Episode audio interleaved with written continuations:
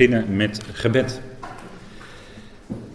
Trouw Vader, wij danken u dat we hier vandaag bij elkaar kunnen zijn en ons met elkaar kunnen verheugen over u en uw zoon. Vader, dank u wel dat we mogen nadenken over dit onderwerp. Vader, dank u wel dat u zoveel voor ons bereid heeft. Dat u ons zoveel in genade schenkt door uw zoon, Vader. Dank u wel dat we in hem zien wie u bent. Vader, dank u wel dat we verlangend zijn om meer uit die geweldige schrift van u te horen. En dank u wel dat u ons ook vandaag een horend hart wil geven. Vader, dat we die harteklop van uw liefde mogen verstaan en dat het mag doorklinken in ons leven en zich uitwerken ook naar anderen toe. Dank u wel, Vader, voor uw geest die in ons woning maakt. Dank u wel dat, Vader, ook die geweldige vrucht van de geest in ons leven, Vader, als we dat zien, dan zijn we verheugd, want dat werkt u in ons uit. Vader, we danken u daarvoor. We danken u dat we zo ook vandaag deze dingen mogen overwegen met elkaar. Geeft u ons daartoe een geest van wijsheid en onthulling in de erkenning van u. Omdat we mogen zien wat die geweldige verwachting van onze roeping is. Die geweldige rijkdom is van uw genade. Vader, dank u wel dat u ons zo voedt en koestert en ook deze dag wilt leiden. Door uw geest. In het spreken, in het luisteren. Mag het zijn tot opbouw, mag het zijn tot lof en eer en verheerlijking van uw naam, Vader. Dat is ons gebed. En daar dank u voor in de machtige naam van uw geliefde zoon. Amen. Goed, wij gaan met elkaar nadenken over dit onderwerp, Christus Jezus voorbestaan. En ik denk dat het goed is om uh, heel even te kijken naar de aspecten die we daarvoor uh, vandaag gaan bekijken. Drie, het, eh, de dag is in drieën gedeeld. Christus in de vorm van God, dat is het onderwerp wat nu aan de orde is. En dadelijk zal Gij spreken over Christus als beeld en woord van God. En tenslotte vanmiddag Andries over Christus in de Hebreeuwse schrift. Dus ik denk dat dat toch zeer boeiende aspecten zijn die zo vandaag naar voren komen. We gaan eerst eens kijken in Johannes 17. En in Johannes 17, vers 5, u kent dat wel, als we nadenken over uh, Christus in de vorm van God, dan zegt de Heer daar iets over in dat hele bijzondere gebed in Johannes 17. En dat, is, dat spreekt over de heerlijkheid van Christus. En daar bidt hij, en nu verheerlijkt u mij, Vader, met uzelf, met de heerlijkheid die ik had voor de wereld is bij u. Dat is een wat letterlijke vertaling vanuit het Grieks. En in uw vertalingen zal het waarschijnlijk iets anders geformuleerd zijn. Maar dit is uh, behoorlijk dicht op de Griekse tekst. En dit wijst op die heerlijkheid die hij bezat voordat hij mens werd. En daar spreekt de schrift over. En dit is denk ik een mooi uitgangspunt, hè, een heel bijzonder woord uit een heel bijzonder gebed wat de Heer bad. En uh, daar zijn in de loop van de geschiedenis altijd veel vragen over geweest. Hoe was dat met de Heer voordat hij mens werd? Uh, wat, was, uh, ja, wat was zijn bestaan? Hoe zag hij eruit? al dat soort vragen. Ik kan me voorstellen dat u daar misschien wel eens wat over gelezen heeft. In de loop van de kerkgeschiedenis is er ook veel over nagedacht. En is men gekomen tot een bepaalde gedachte. En eh, als ik een heel moeilijk woord gebruik, de twee naturen leer van Christus, dan zegt u dat misschien wel wat. En velen van u zegt het misschien weinig, dat weet ik niet. Maar eh, dat, dat heeft daarmee te maken. Alleen daar gaan we vandaag eh, niet op in. Hoe dat zit, hoe de Heer op, toen hij op aarde was. Maar vandaag gaat de focus meer, om het zo maar te zeggen, over het voorbestaan van onze Heer voordat hij mens werd. Dus Christus in de vorm van God. En dan zegt u, in de vorm van God, waar lees ik dat dan? Ik lees wel in mijn Bijbel over de gestalte van God, maar hoe zit dat dan? Daar gaan we op in, vanuit de tekst waar dat staat. Zijn heerlijkheid voordat hij mens werd, want toen bezat hij wel degelijk heerlijkheid. En hij wijst hier er ook op in dit gebed. De heerlijkheid die ik had voor de wereld is bij u, bidt hij. Dus er was een heerlijkheid die hij had zelfs voor de wereld was, voor de wereld is, staat er, voor de wereld is, bij u. Dus dit wijst op zijn heerlijkheid die hij had bij de Vader. En hij kwam ook bij de Vader vandaan. Hè? Daar getuigt hij voortdurend over. Als hij in gesprek is met de Joden. Daar gaan we het ook over hebben. En ehm, het feit ook dat hij is, neer, hij, hij is neergedaald uit de hemel. Daar zullen we het ook over hebben met elkaar. Dat zijn allemaal aspecten die wijzen naar uh, zijn eerdere heerlijkheid voor hij mens werd. En dat is toch iets geweldigs, denk ik. Filippenzen 2, vers 5. En dat is toch eh, voor ons, moet dat ook ons aanspreken, want we zijn bezig op de woensdagavonden met de Bijbelstudie, de brief aan de Filippenzen. En daar is dit natuurlijk eh, een kernstukje in die hele grote brief, is dit het kerngedeelte. Filippenzen 2, vers 1 tot en met 11. Dat spreekt over de gezindheid van Christus Jezus. En die gezindheid, als je Gods plan overziet en je ziet hoe de schrift daarover spreekt, is zijn gezindheid altijd deze, die hier in Filippenzen 2 staat. En de apostel Paulus spreekt ons aan, laat immers deze gezindheid in jullie zijn, die ook in Christus Jezus is. Die in de vorm van God, die hem eigen is, het aan God gelijk zijn, geen roof acht. Niettemin maakt hij zichzelf leeg en neemt de vorm van een slaaf aan. En dit tekent zijn ootmoedige gezindheid. hij maakt zichzelf leeg en neemt de vorm van slaaf aan. Dus hij was in de vorm van God.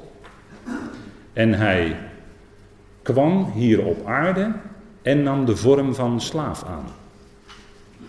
dat is wat we moeten zien. Dit is een hele geladen tekst. En hier is in de loop van de kerkgeschiedenis oneindig over gedebatteerd, zou je kunnen zeggen. Daar ga ik u allemaal niet mee vermoeien. Want dat is inderdaad zeer vermoeiend. Maar wat wil dit dan zeggen? Hè? Kijk, het zijn in Filippenzen 2 twee stappen van vernedering. Twee stappen van verootmoediging zou je kunnen zeggen. Ten eerste de leegmaking. Hij maakte zichzelf leeg, hebben we net gelezen. Van de vorm van God. En dat ging over in de vorm van slaaf.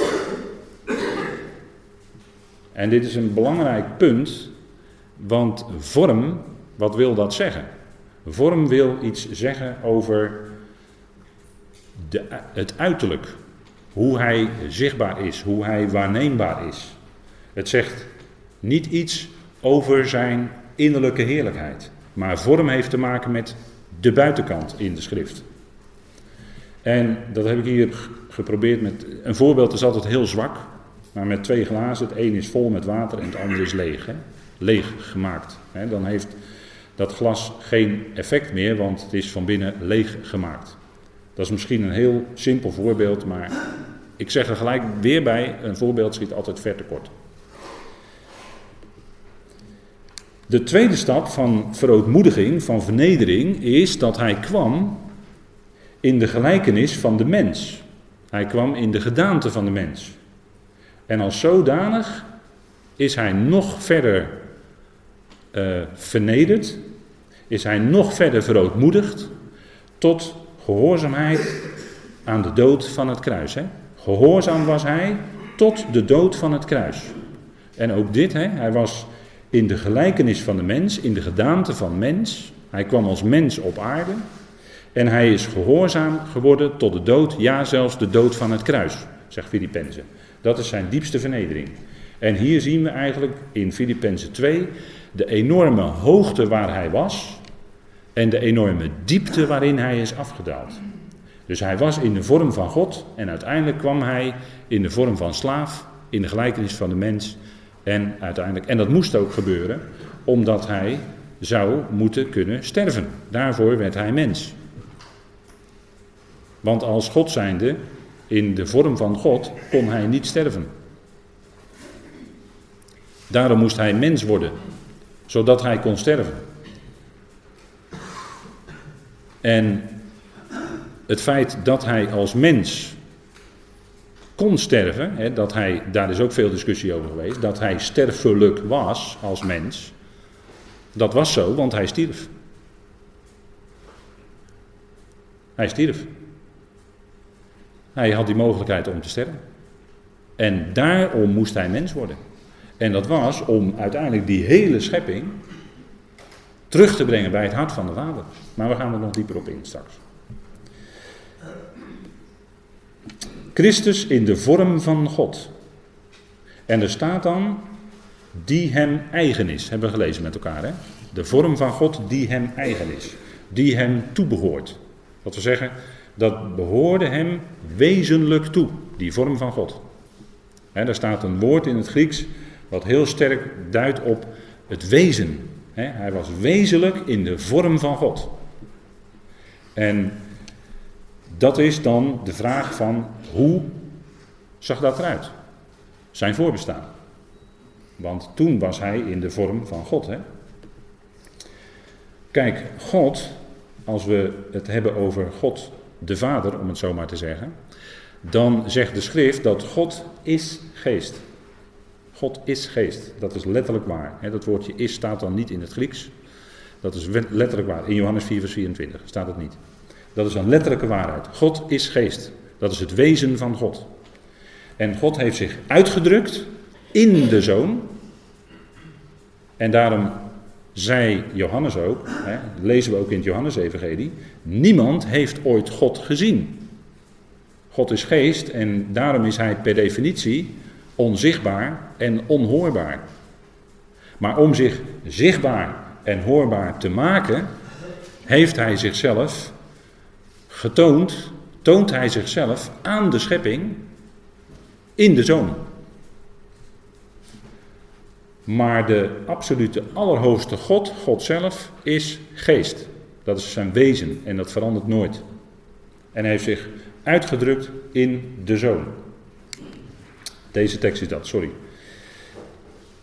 God is geest, Johannes 4, vers 24. En degenen die hem aanbidden, moeten hem aanbidden in geest en in waarheid, zegt de Heer daar. Hè? En in Johannes 1, vers 18 staat: Niemand heeft ooit God gezien. Voor zover wij iets van God kunnen zien, kunnen waarnemen, is het door de zoon. Dat is nooit anders. Hè? Dat was nooit anders, dat is nooit anders en dat zal ook niet anders zijn. En de Heer trok op met zijn discipelen en toen vroeg een van de discipelen, Heer toon ons de Vader. En dan zegt de Heer tegen die discipel in Johannes 14, wie mij gezien heeft, heeft de Vader gezien. Dus in hem wordt zichtbaar, in zijn rondwandeling hier op aarde ook, in hem wordt zichtbaar wie de Vader is. In zijn liefde en in zijn genade. Genade op genade hè, was het. Christus in de vorm van God, dat is het Griekse woord morphe, maar dat mag u zo weer vergeten hoor. Maar in de vorm van God is hij onder God de Vader de hoogste. Hij representeerde God naar de schepping. In hem wordt zichtbaar wie God is. Hij toont de onzichtbare God aan de schepping. De vorm van God. En het woord beeld wijst daar ook op, alleen daar gaat de volgende studie over. Maar in de vorm van God laat hij God zien aan de schepselen. En dat was al voordat hij mens werd. En Johannes 1, vers 18, het vervolg daarvan zegt: De enige geboren God, in uw vertaling staat zoon, maar de beste handschriften zeggen daar: De enige geboren God, dat gaat over Christus, die in de schoot van de Vader is, die ontvouwt hem, die maakt hem zichtbaar. Dus de enige, de, de enige voortgebrachte God, de enige geboren God, die in de schoot van de Vader is, die ontvouwt hem. Dus die laat zien wie de Vader is. En dat wordt van onze Heer gezegd. Hè? Dus hij is in de vorm van God. En dat was voordat hij in de vorm van slaaf. Dat hebben we gelezen met elkaar. We gingen van de vorm van God naar de vorm van slaaf. En in de vorm van God was hij voor dat hij mens werd. In de vorm van God staat er, die hem eigen is, dus is wezenlijk eigen aan hem. Heeft hij het aan God gelijk zijn geen roof geacht? Eigenlijk zou ik moeten zeggen roving, want er staat het, een woord in het Grieks dat duidt op een activiteit. Harpakmos, voor degenen die Grieks kennen. Vorm duidt op uiterlijke verschijning. En hoe weet ik dat? Nou, dat weten we bijvoorbeeld uit Marcus 16, vers 12. Wil ik even met u opzoeken. Ik hoop dat u een Bijbel heeft, bij u heeft vandaag. Marcus 16, vers 12.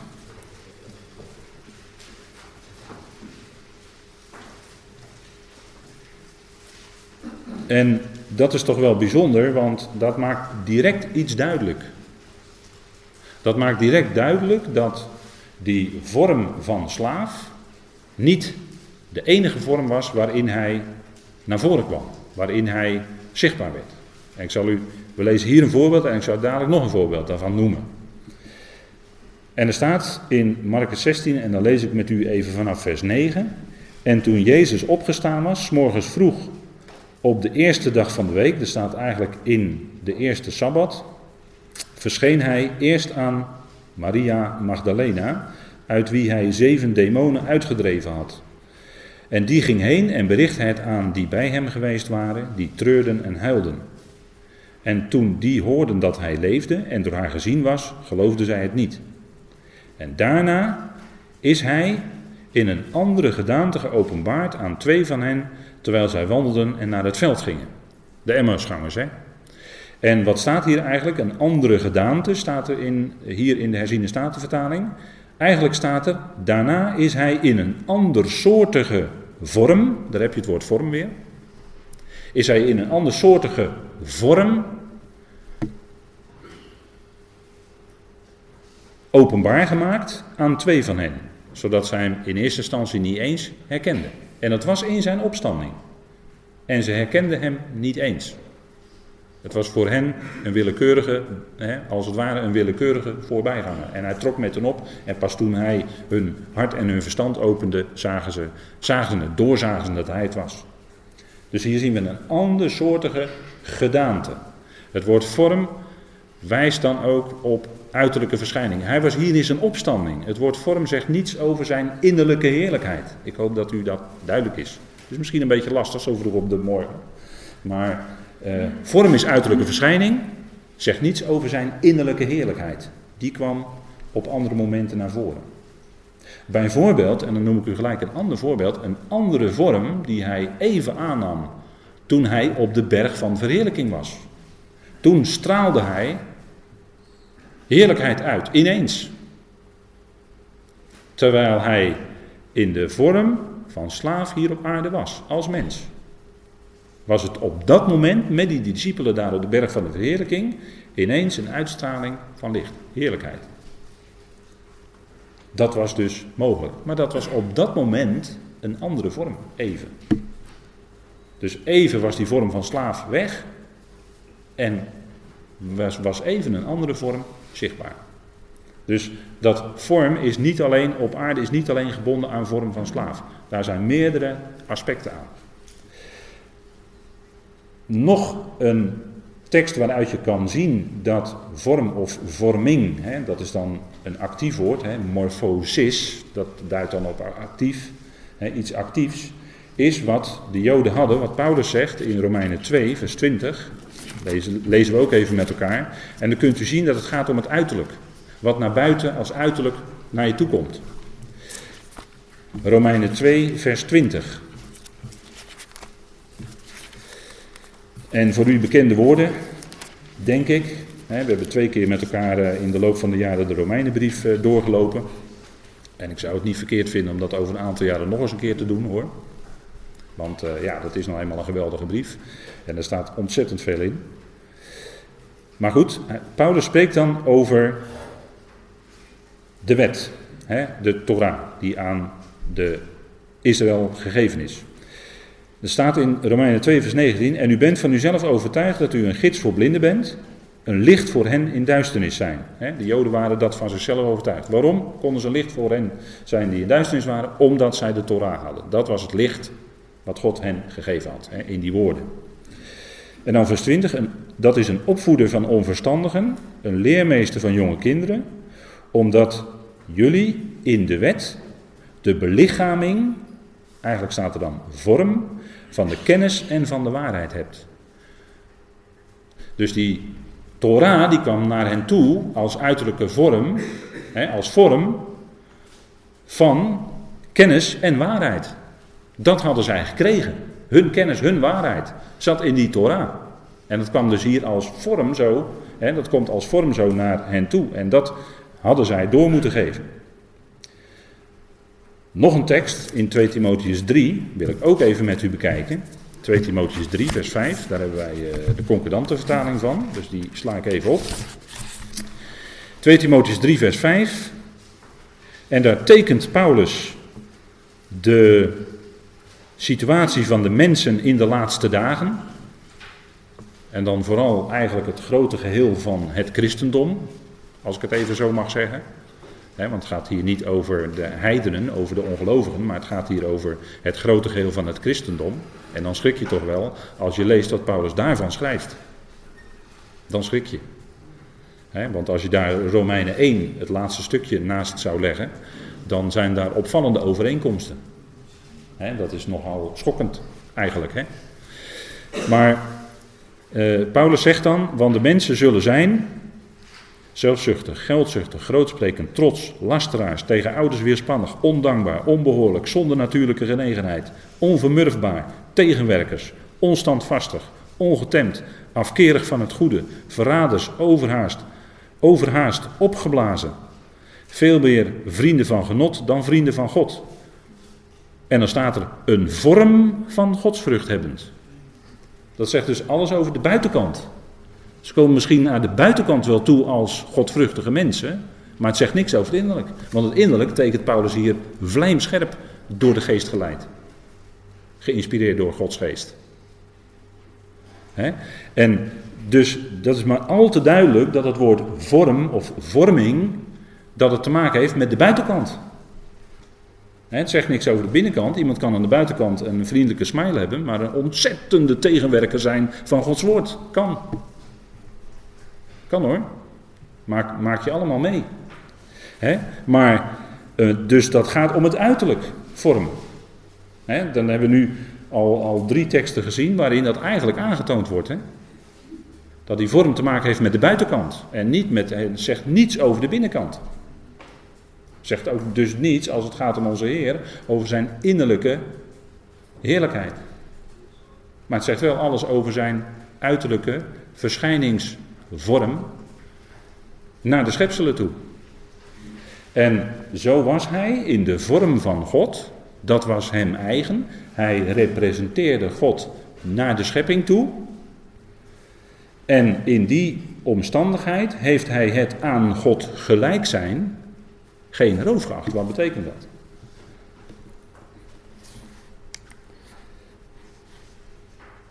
Kijk, aan God gelijk zijn betekent nog niet, betekent nog niet dat hij dus de allerhoogste God zelf is. Nee, hij is de zoon van God. Hij is de enige geboren God. En aan God gelijk zijn wil zeggen, hij representeerde God naar de schepping toe. Daarin was hij gelijk aan. Hè, daarin mocht hij God tonen en uh, ook handelen en spreken en zijn heerlijkheid laten zien naar de schepping. Maar dat was om te tonen wie God de Vader is. Dus het is, hij is niet dezelfde, uiteraard. Hè. Aan God gelijk zijn betekent niet dat hij de Allerhoogste God zelf is. En je kan ook zeggen, hè, als je gaat spreken met woorden als absoluut en relatief. Nou, absoluut God is God de Vader. En in relatieve zin God is de Zoon naar de schepping toe. Hij drukte God uit naar de schepping. Dus dat heeft hij geen roof geacht. Dat hij in die hoedanigheid was, aan God gelijk, heeft hij geen roof geacht, want hij deed precies waarvoor God hem gecreëerd had. Namelijk God tonen aan de schepping. En daarmee roofde hij niets van God weg. Nee, hij richtte juist naar God toe. Want dat is zijn functie. Hij richt op God. Dat is zijn functie van het begin van het plan der eonen tot aan het einde. Christus brengt mensen tot God. Laat zien wie God is. en dat is aan God gelijk zijn. Ik hoop dat u nu iets verstaat van wat hier staat in Filippenzen. En dat heeft hij geen roven geacht. Hij achtte dat niet als iets waarvan hij God iets, ook maar iets beroofde. Van iets van Gods heerlijkheid. Dat nam hij niet weg, nee, dat toonde hij juist. hij is de, ik moet denken aan de woorden uit Hebreeën 1. Hij is de afstraling van Gods heerlijkheid. Hebreeën 1, die eerste vers. Er wordt geweldige dingen over de zoon gezegd. Hij is de afstraling van Gods heerlijkheid. En de uitdrukking van zijn wezen. God neemt een aantal. Uh, God laat een aantal aspecten van zichzelf zien. Dat zijn zijn waardigheden. En in die zoon zien wij dat. Maar goed, eh, Hebreeën 1 laat ik nu liggen hoor, want dat voert weer te ver. Licht, hè? Licht. Hij kon zeggen, hij kon zeggen, ik ben het licht van de wereld. Dat zegt de Heer Jezus op diverse uh, belangrijke momenten in het, ja we zeggen dan het evangelie van Johannes. Hè? Maar het is het verslag van het leven van de Heer van Johannes. En je ziet in Johannes, dat is heel bijzonder, dat zie je veel minder terug in de andere evangelie om het zo maar te zeggen, zijn gesprekken met de Joden. Hij was voortdurend in gesprek met de Joden. Hij deed iets en de Joden raakten met hem daarover in discussie, de fariseeën en de schriftgeleerden. En dan gaf de Heer antwoord en nam geen blad voor de mond. Hij was zachtmoedig van hart, maar als het ging om de eer van zijn vader en van het woord van de vader, was hij zo scherp dat je denkt van, dat durf ik niet eens te zeggen tegen anderen. Maar hij zei het. En hij kon het ook zeggen. En uh, hij was en is het licht van de wereld. En dat was hij niet alleen toen hij op aarde er rondwandelde, maar dat was hij daarvoor ook. Het licht in de schepping. Kijk, en iets in Johannes 8, hè, dat is zo'n hoofdstuk waarin de Heer in een hele lange discussie is. En een heel lang gesprek is met de Joden. En dat uh, vertrekpunt van die tekst, uh, waar, waar dit dan gesproken wordt, is Johannes 8, vers 12. Laten we het heel even met elkaar erbij nemen. Johannes 8. En dan zegt hij in Johannes 8, vers 12.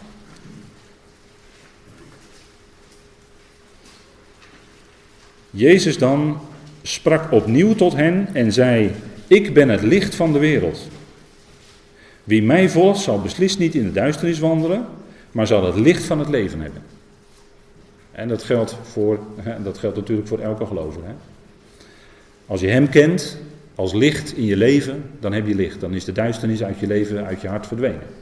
Heeft hij het licht bij je aangedaan. Hè? Dat zegt Paulus natuurlijk ook in 2 Korinthe 4. Maar je zal dan licht hebben in je leven. En wat zegt de Heer dan? Ik ben, dat zei hij heel vaak. En dan zegt hij in het Grieks, ego eimi. En door het woordje ego wordt heel sterk de nadruk op dat ik gelegd. En hij was de ootmoedigheid zelf. Hè? Hij is ons grote voorbeeld. En als hij sprak over zichzelf, was het altijd tot eer van de Vader. Als hij zegt: Ik ben het licht van de wereld, dan was hem door Vader hem dat gegeven. De zoon is altijd onderschikkend aan de Vader. De Vader is de zender en de zoon is de gezondere. Hij spreekt de woorden die hij van de Vader hoort spreken. En hij is de ontvanger. En hij ontvangt alles van de Vader en dat kon hij doorgeven. als het gaat over God, dan staat er: God is licht. En daarom kon de zoon van zichzelf zeggen: Ik ben het licht van de wereld. Door zijn woorden verspreidde hij ook dat licht en wat hij deed en hoe hij was. En dan komt er een heel lang gesprek op gang. En waar gaat het dan over? Het gaat dan over, de Joden zeggen tegen hem, wie ben je? Wie ben je? Als je dit doet, als je blinden de ogen opent, als je die overspelige vrouw laat gaan, wie ben jij? Wie is, en dan komt er een heel gesprek op gang. De vader, hè? De vader. Wie is je vader? Dat vragen ze aan hem. En dan zegt de Heer in vers 19 bijvoorbeeld, zij zeiden dan tegen hem, waar is uw vader? Jezus antwoordde, jullie kennen mij niet en evenmin mijn vader. En als jullie mij kenden, zouden jullie ook mijn vader kennen. En ze kenden hem niet en daardoor kenden ze ook niet zijn vader, God. Die kenden ze niet, in feite. Terwijl ze zo bezig waren, zo intens, met die Torah, en toch kenden ze hem niet. Kenden ze kennelijk niet wie vader werkelijk is. Want zij beseften wel op een zeker moment dat hij toch de Messias zou moeten zijn. Maar dat schoven ze toch aan de kant. En dat komt in dit hele gesprek komt dat op gang. Hè? De Heer Jezus zegt bijvoorbeeld in vers 29. Hè? En die mij gezonden heeft. Eigenlijk staat het in die tijdloos als een tijdloos feit. Hè? Hij die mij zendt is met mij. De Vader heeft mij niet alleen gelaten omdat ik altijd doe wat hem wel gevallen is. Ziet u? Hij spreekt zo altijd over zijn Vader. En dit is een heel lang gesprek. En dan, gaat het, en dan zeggen de Joden, ja, maar wij zijn, wij zijn vrij. Want de Heer Jezus zegt dan tegen hem, ja, eh, als jullie hè, de waarheid kennen, dan zullen jullie werkelijk vrij zijn. Want de waarheid zal jullie vrijmaken. En dan zeggen ja, maar wij zijn altijd vrij geweest, want wij zijn zonen van Abraham. Dat is onze vader. En dan krijg je dat gesprek over wie dan hun vader eigenlijk is. En dan zegt de Heer dat eigenlijk in werkelijkheid niet God hun vader is, maar precies de andere kant, de tegenwerker, hè, zegt hij in vers 44. Hè, vers 43 staat dan, waarom begrijpen jullie niet wat ik zeg? Omdat jullie mijn woord niet kunnen horen. Jullie zijn uit de vader de duivel. En jullie willen de verlangens van jullie vader doen. Die was een mensenmoordenaar van het begin af en staat niet in de waarheid, want er is in hem geen waarheid. Wanneer hij de leugen spreekt, spreekt hij vanuit wat van hemzelf is, want hij is een leugenaar en de vader ervan. Scherpe woorden, hè? Hij zegt dus, jullie zijn in feite geen zonen van Abraham, maar jullie zijn zonen van jullie vader, de diabolos, de tegenwerker, de dooreenwerper. Dat is eigenlijk jullie vader. En zo raakten ze steeds in discussie met de Heer. En dan zegt de Heer iets bijzonders, hè? want dan gaat het gesprek zich toespitsen op Abraham. En dan staat er in vers 56 en 57. Abraham, jullie vader, jubelde dat hij vertrouwd zou worden met mijn dag. En dat vertrouwd worden, dat is eigenlijk in het Grieks het woord waarnemen. En hij is ermee vertrouwd geworden, hij heeft die waargenomen en hij verheugde zich. En dan zeggen de Joden tot hem: U bent nog geen 50 jaar en u hebt Abraham gezien. als, een, als een verbaasde uitroep. Want hiermee zegt de Heer in feite, in feite dat hij heeft gezien dat Abraham jubelde in het verleden. Hè? Dat hij die dag van de Messias zou zien. En dan zegt de Heer ook, hij heeft die, hè, hij heeft die waargenomen die dag en hij verheugde zich. En dan zegt de Heer in vers 58, Jezus zei tot hen, Amen, amen. Dat staat dan voor waar, voor waar, maar er staat die Hebreeuwse uitdrukking amen, amen. Omdat, dan komt hier een hele kernachtige uitspraak. Ik zeg jullie, eer Abraham was, ben ik. En dan moeten we even heel precies worden met deze tekst. Eer Abraham was, staat eigenlijk geworden te zijn. dat is een uitdrukking in het Grieks die 37 keer voorkomt in de Griekse schrift. En dat duidt steeds op het gebeuren, geworden te zijn. Is misschien een beetje moeilijk dit, maar het steeds op, het kan ook vertaald worden met gebeuren. Het wordt bijvoorbeeld in openbaring 1 gebruikt. Als Johannes dingen gaat zien en gaat opschrijven wat hij gezien heeft.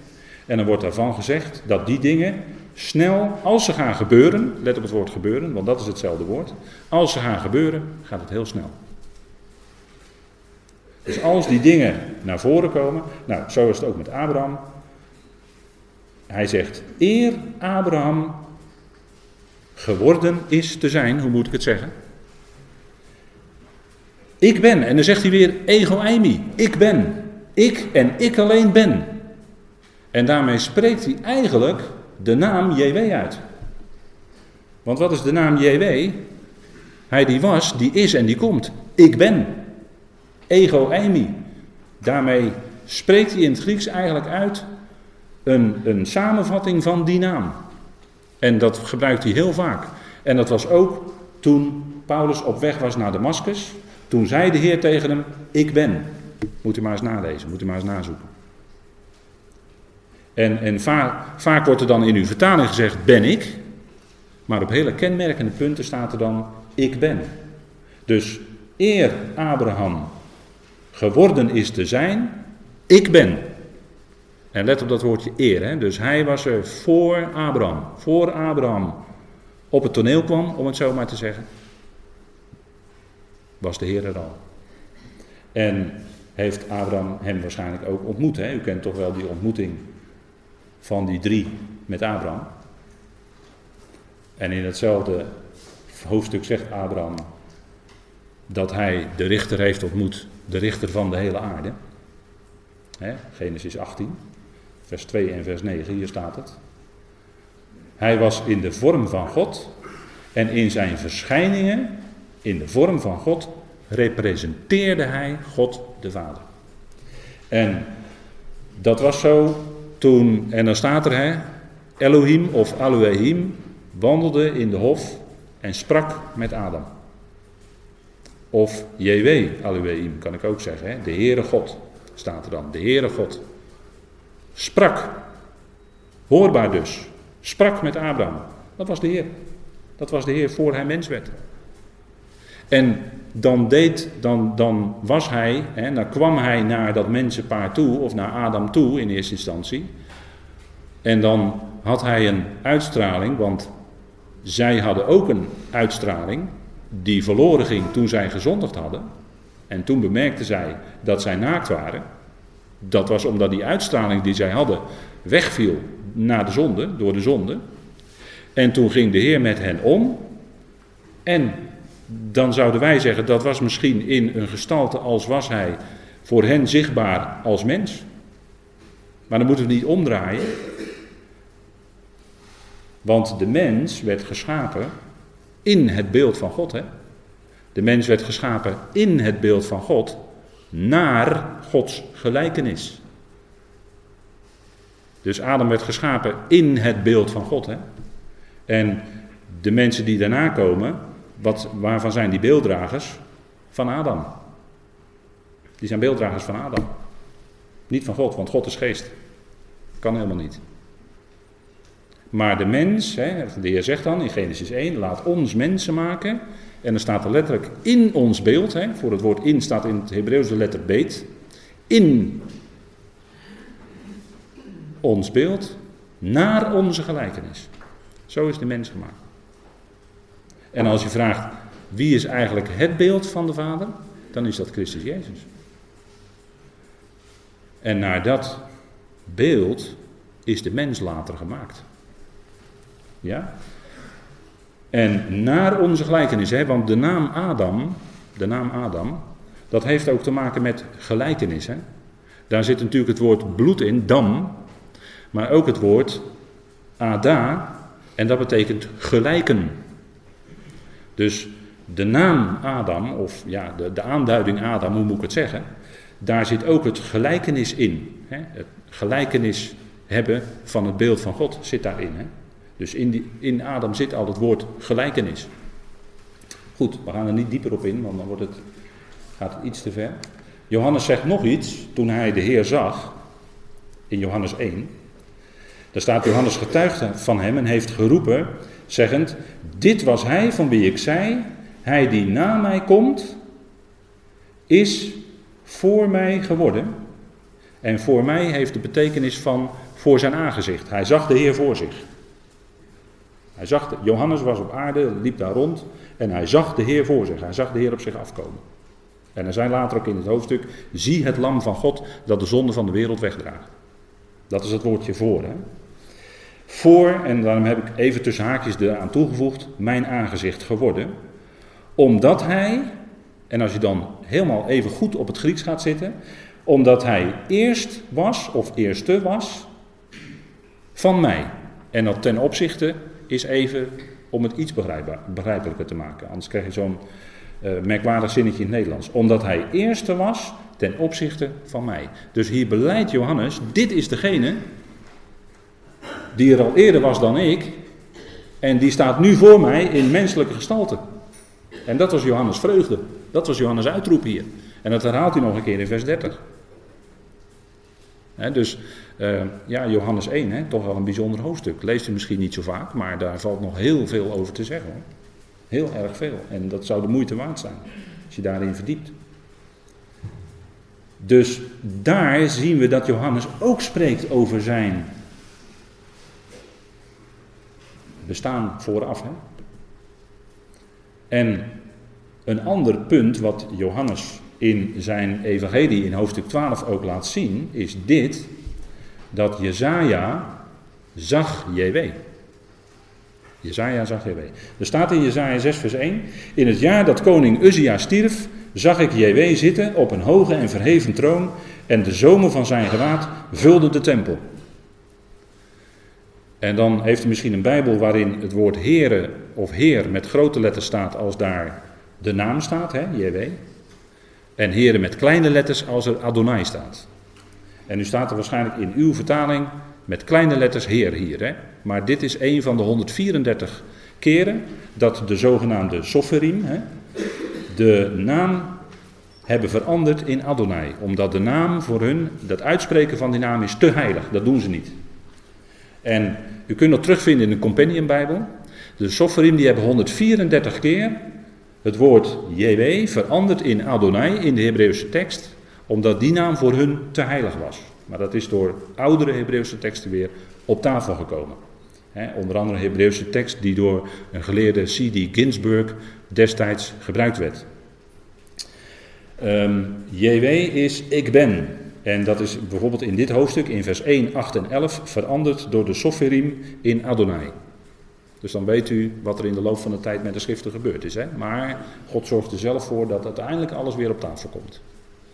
En daar kunnen we alleen maar geweldig dankbaar voor zijn. En dan staat dat Jezaja zegt, mijn ogen hebben namelijk, hè, want hij valt bijna als dood op de grond. En dan zegt hij, ik ben een man onrein van lippen, want mijn ogen hebben namelijk de koning, JW van de legermachten, u weet wel, JW Zebaot, gezien. Wie hebben ze dan gezien? De vader? Nee, dat kan niet, want die is geest. Dan hebben ze de zoon gezien, in zijn heerlijkheid, voor hij mens werd. En dat was de vorm van God, waar Paulus het over heeft in Filippenzen 2. Zo, heb, zo hebben de profeten hem gezien. En dit is niet de enige tekst. Maar hij nam ook soms een andere gestalte aan, heb ik net al aangegeven. Bijvoorbeeld in de hof met Adam en Eva. Of bij Abraham, toen er drie op bezoek bij hem kwamen. En één van die drie was hij. En daarom kon hij zeggen in Johannes 8 dat hij wist dat Johannes zich toen al verheugde op de dag van de Messias. Dat het beloofde zaad zou komen. En in zijn leven kwam ook het beloofde zaad Isaac, maar dat was natuurlijk een type van de Heer, die later zelf zou komen. Maar dat was de belofte hè, waarbij hij leefde. En hij zag er zo naar uit dat die grote belofte vervuld zou worden. Beloofde zaad, de Messias.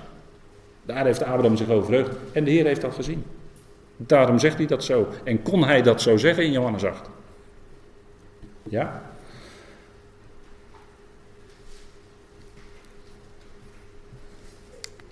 Dan gaan we even verder naar de volgende.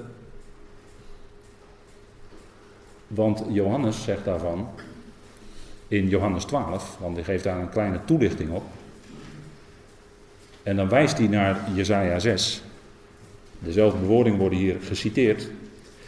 Johannes zegt in Johannes 12, daarom konden zij niet geloven, omdat Jezaja verder gezegd heeft, hij heeft hun ogen verblind en hun hart verhard. En dan staat er, opdat. Dat moest Jezaja dus al doen, hè? dat woord spreken, opdat zij niet met de ogen zouden zien en met het hart inzien en zich bekeren en ik hen zou genezen. En daarom sprak de Heer ook tijdens zijn leven in gelijkenis. Omdat het verborgen moest blijven. En aan zijn discipelen liet hij het zien. Maar hij sprak tot hen in gelijkenissen, opdat. En er wordt ook in Matthäus 13 Jezaja 6 geciteerd. Hetzelfde woorden. En dan voegt Johannes eraan toe, Dit zei Jezaja toen hij zijn heerlijkheid zag en over hem sprak. En dat doelt hij op de Heer Jezus. Dus wat heeft Jezaja gezien? De Heer Jezus in zijn heerlijkheidsgestalte, voor hij mens werd, in de vorm van God. Zo liet hij die heerlijkheid zien van God bij tijd en gelegenheid, als het nodig was, aan zijn schepselen, aan de profeten. Dus ook aan een Jezaja. Hij is uit de hemel neergedaald. Weer zo'n lang gesprek wat de Heer Jezus heeft met die fariseeën en schriftgeleerden in Johannes 6, met die joden, zelfs met de joden die in hem geloofden. En dan zegt hij dat hij uit, hij uit de hemel is neergedaald. Hij is uit de hemel neergedaald. En dat is uh, Johannes 6, hè. En we zien dat dat, dat uh, maar liefst, uh, en dat ontdekte ik ineens van de week, dat, dat natuurlijk niet toevallig, maar dat zat zeven keer in dat hoofdstuk. Wordt ervan getuigd dat hij uit de hemel is neergedaald. Dan denk ik, alsjeblieft, wil je nog meer? Hè? Wil je nog meer? Johannes 6, bijvoorbeeld, daar zegt de Heer dan van zichzelf. Hè, en hij, zegt dan, hij is dan in gesprek hè, om dat voedsel. Hij had die eh, menigte had hij gespijzigd en dan komen ze achter hem aan. En dan zijn ze heel druk bezig om achter hem aan te komen. En dan vragen ze, wat moeten we doen? Opdat wij de werken van God mogen verrichten, vers 28. Hè. Zij zeiden dan tegen hem, Johannes 6, vers 28, wat moeten wij doen opdat wij de werken van God mogen verrichten?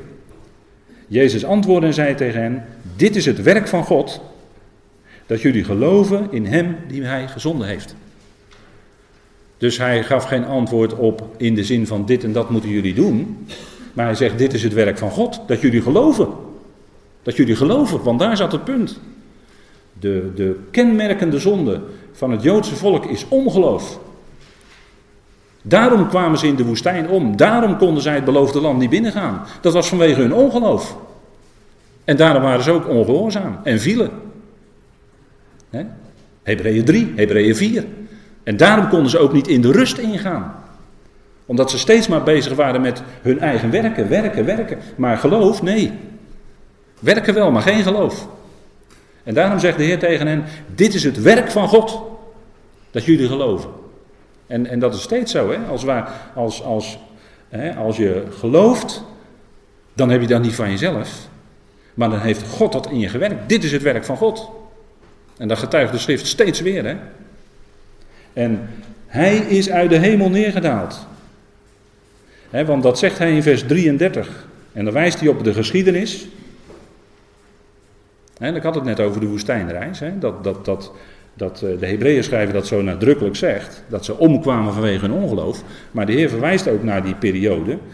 dat hij over het manna spreekt. Hij zegt, ja wacht even, maar dat manna, dat ware manna, dat ben ik. Dat ben ik. Ik ben het brood van het leven. En dan gebruikt hij weer steeds dat ego eimi. Ik en ik alleen ben. De naam van JW klinkt daarin door. Jezus dan zei tegen hen: Amen, amen, ik zeg jullie, vers 33, niet Mozes heeft jullie het brood uit de hemel gegeven, maar mijn vader geeft u het ware brood uit de hemel. Zij bleven steken bij Mozes. Sorry dat ik het zo zeg. Maar zo zegt de Heer, dat is de trant waarin de Heer hier spreekt. Want mijn vader geeft jullie het ware brood. Dat was hij zelf. En dat kon hij zeggen. hij was alleen al in Bethlehem geboren. Dat zou voor iedereen voldoende moeten zijn, hè? het broodhuis. Daar kwam hij uit vandaan. Natuurlijk, hij is het levende brood. Hij is het brood wat we nodig hebben. We moeten van hem eten, van hem drinken. Opdat we leven hebben. Dan heb je leven. Veel mensen die, die eh, ja, de feestdagen komen weer aan. Hè? Eten, drinken en vrolijk zijn. Ja, dan zou ik zeggen, ja, je moet van hem eten. Dat is veel beter. En al dat andere, ach, dat leidt maar af. En vers 38. Ik ben uit de hemel neergedaald, zegt hij, want ik ben uit de hemel neergedaald. Niet opdat ik mijn wil zou doen, maar de wil van hem die mij gezonden heeft. Ziet u? De zoon ten opzichte van de vader. Hij doet de wil van de vader. Altijd. Zelfs toen het op een moment heel moeilijk was. En toen hij bad, uiteindelijk bad hij, Abba, vader, niet mijn wil, maar uw wil geschieden. Maar toen was het heel moeilijk, want toen was hij vlak voor het kruis. Maar hij is gehoorzaam gebleven tot de dood van het kruis. Geworden. En dat ging niet zonder slag of stoot. Hij was ook mens, ziel. Hij had ook een ziel. om het zo maar te zeggen. En, en in die emotie, in die druk, bad hij vader.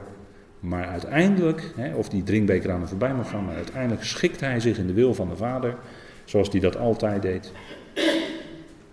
En dat zegt hij ook hier. Hè. Ik ben uit de hemel neergedaald, niet opdat ik mijn wil zou doen.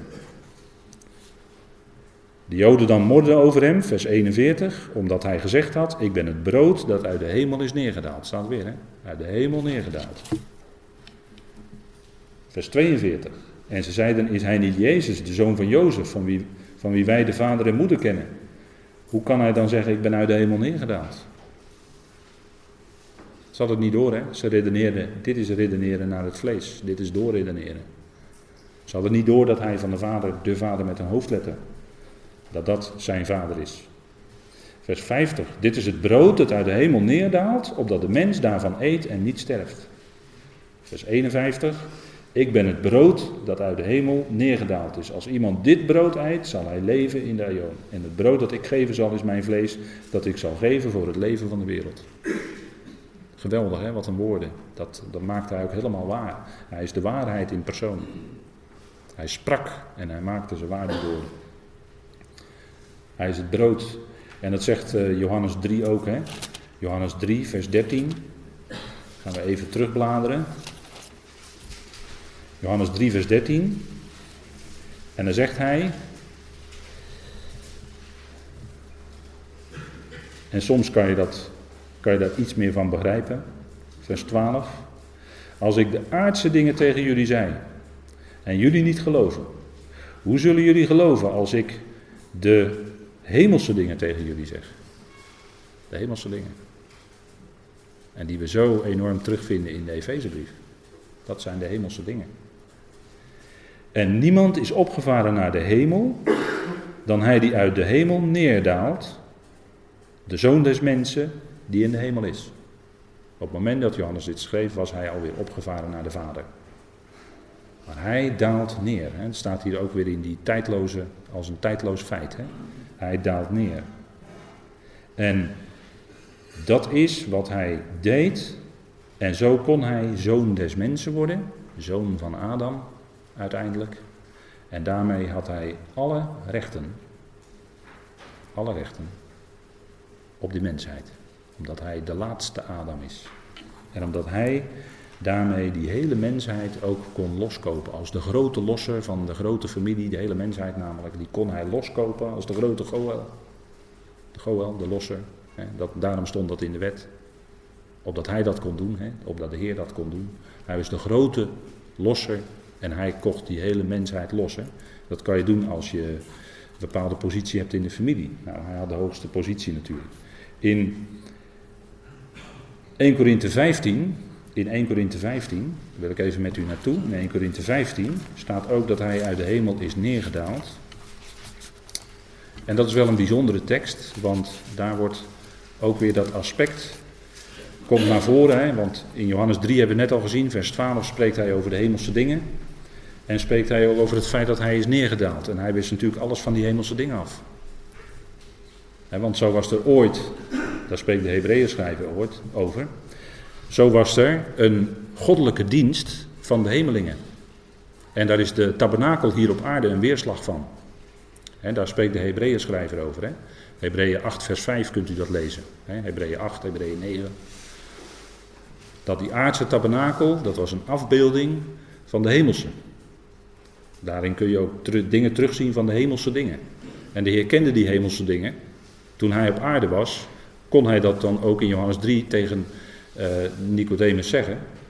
Uh, want hij sprak over de hemelse dingen uh, in, op een manier dat hij die kende. Hij kwam daar vandaan, hij was zelf de hemelse bij uitstek geweest. En was vernederd geworden tot mens, hè, als vorm van slaaf. Dus daar zie je al dat, dat, dat gesproken wordt over die hemelse dingen. En dat hij neerdaalde. dat, dat verband moet u dan zien in vers 12 en vers 13 van Johannes 3. Nou, dat vinden we ook terug in 1 Korinthe 15. Waar het gaat over de opstanding. En hoe zit dat dan? die Corinthiërs die uh, vroegen zich dat af. Ja, hoe kan het nou? We hebben nu een lichaam, maar hoe zal het dan in de opstanding zijn? Hebben we dan wel een lichaam? Typisch vragen van Corinthiërs, uh, denk je dan wel eens. Maar daar gaat Paulus dan zeer uitgebreid op in, omdat hij veel woorden nodig heeft om dat aan de Corinthiërs duidelijk te maken. Omdat zij traag van horen waren, hè. ze waren traag van gehoor. dat had te maken met hun instelling die ze hadden. Hè. Er was nogal eh, een vleeselijke instelling, hadden nogal wat Corinthiërs. En daarom had Paulus veel woorden nodig om de dingen duidelijk te maken. Zo ook een heel lang hoofdstuk over de opstanding. En ze vroegen, ze hadden heel veel vragen, ook over dat lichaam. Hè? Ja, als het nou de opstanding is, in wat voor lichaam komen we dan? En dan gaat Paulus daar uitgebreid op in. En dan zegt hij in vers 45, zo staat er ook geschreven, de eerste mens Adam is geworden tot een levende ziel, staat er dan. Tot een levende ziel. En de laatste Adam tot een levendmakende geest. En dat ontkent niet dat hij nu ook nog steeds een lichaam heeft hoor. Maar dat is een verkorte manier van uitdrukken dit. Hij is in zo'n geestelijke hoedanigheid nu dat hij in staat is anderen levend te maken. Maar hij is nog steeds mens, hè? de mens Christus Jezus. Hij is nog steeds mens aan de rechter van Vader. Tot een levendmakende geest. En dan zegt hij, het geestelijke is echter niet eerst, maar het zielse. En daarna komt het geestelijke. De eerste mens is uit de aarde van de aardbodem. Hè? De tweede mens is de Heer uit de hemel. De tweede mens. Eerst kwam Adam en duizenden, duizenden jaren later kwam de laatste Adam als de tweede mens. Even dat onderscheid maken, de tweede mens en de laatste Adam. Dat, dat is, de schrift is daarin nauwkeurig, hè? die woorden moet je ook dan vasthouden. En wie is hij? Hij is de Heer uit de hemel. Spreekt weer over het feit dat hij afgedaald is uit de hemel. Hè? Hij kwam als mens op aarde. Hij nam daadwerkelijk de gelijkenis van de mens aan, vlees en bloed. Hij is gekomen in de gelijkheid, zegt Paulus, van het zondige vlees, om zo de zonde te veroordelen in het vlees en die zonde weg te doen.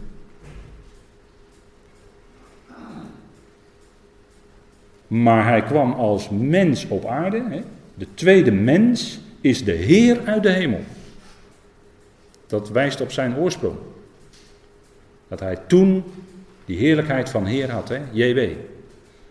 En hier wordt het woord natuurlijk, u kent dat woord, Curios wordt hier gebruikt. Hè? Curios. En dat is vaak een vertaling in de Hebreeuwse schrift, als dat in het Grieks wordt vertaald, van de naam JW. Curios.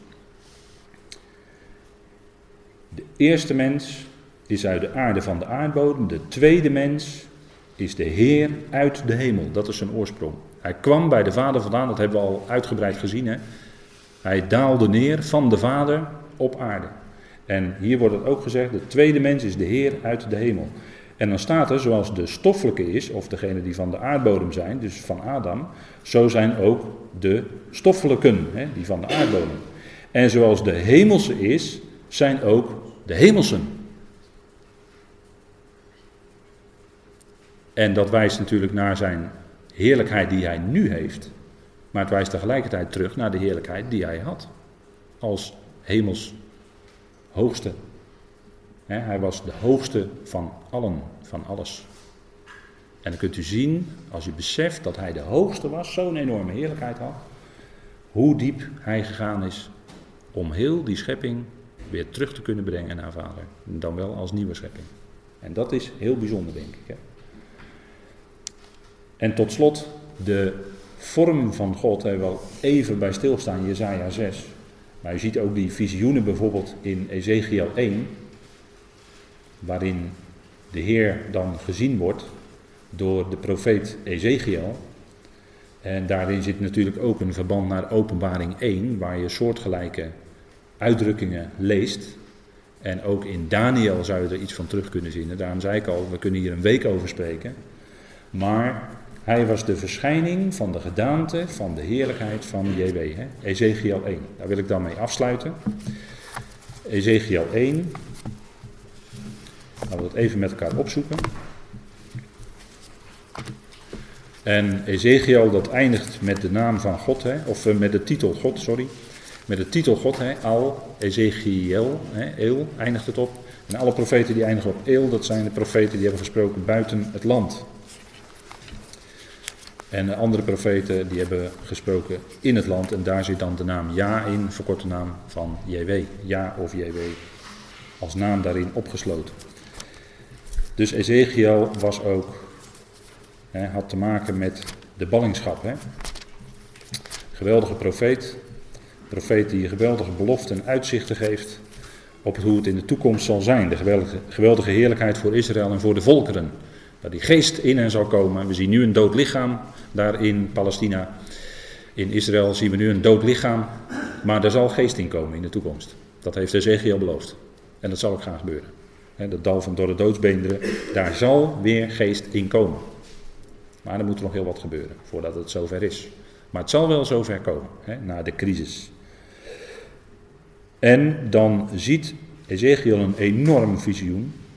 Met allemaal raderen en ogen. En dat is natuurlijk, voert veel te ver om daar nu op in te gaan. Maar dan staat er, en dat is eigenlijk waar het, waar het naartoe gaat, hè, dat, dat hele, die hele beschrijving, vers 28. Zoals het uiterlijk van de regenboog, die in de wolken verschijnt op de dag van de regen, zo was het uiterlijk van de lichtglans rondom. Het was de verschijning van de gedaante van de heerlijkheid van JW. En toen ik dat zag, wierp ik mij met mijn gezicht ter aarde en ik hoorde de stem van iemand die sprak. Hij hoorde de stem van iemand die sprak. Hij hoorde de woorden van God. En dan hoor je de zoon. En wat zag hij dan? Vers 26. Even een stapje terug, hè? Want hier wordt gezegd, hij zag de gedaante van de heerlijkheid van de Heer. En wat zag hij dan in vers 26? Boven het gewelf dat boven hun hoofden was, was iets met het uiterlijk van een saffiersteen, wat leek op een troon.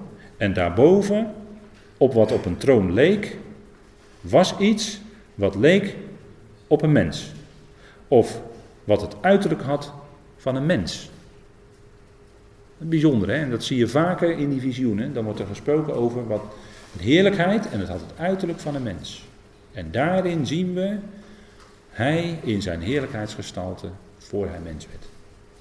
En in dat beeld, en, in die en naar die gelijkenis, is de mens dan ook geschapen. Even nog heel even terug te koppelen van daarnet. En dat was Christus Jezus in de vorm van God.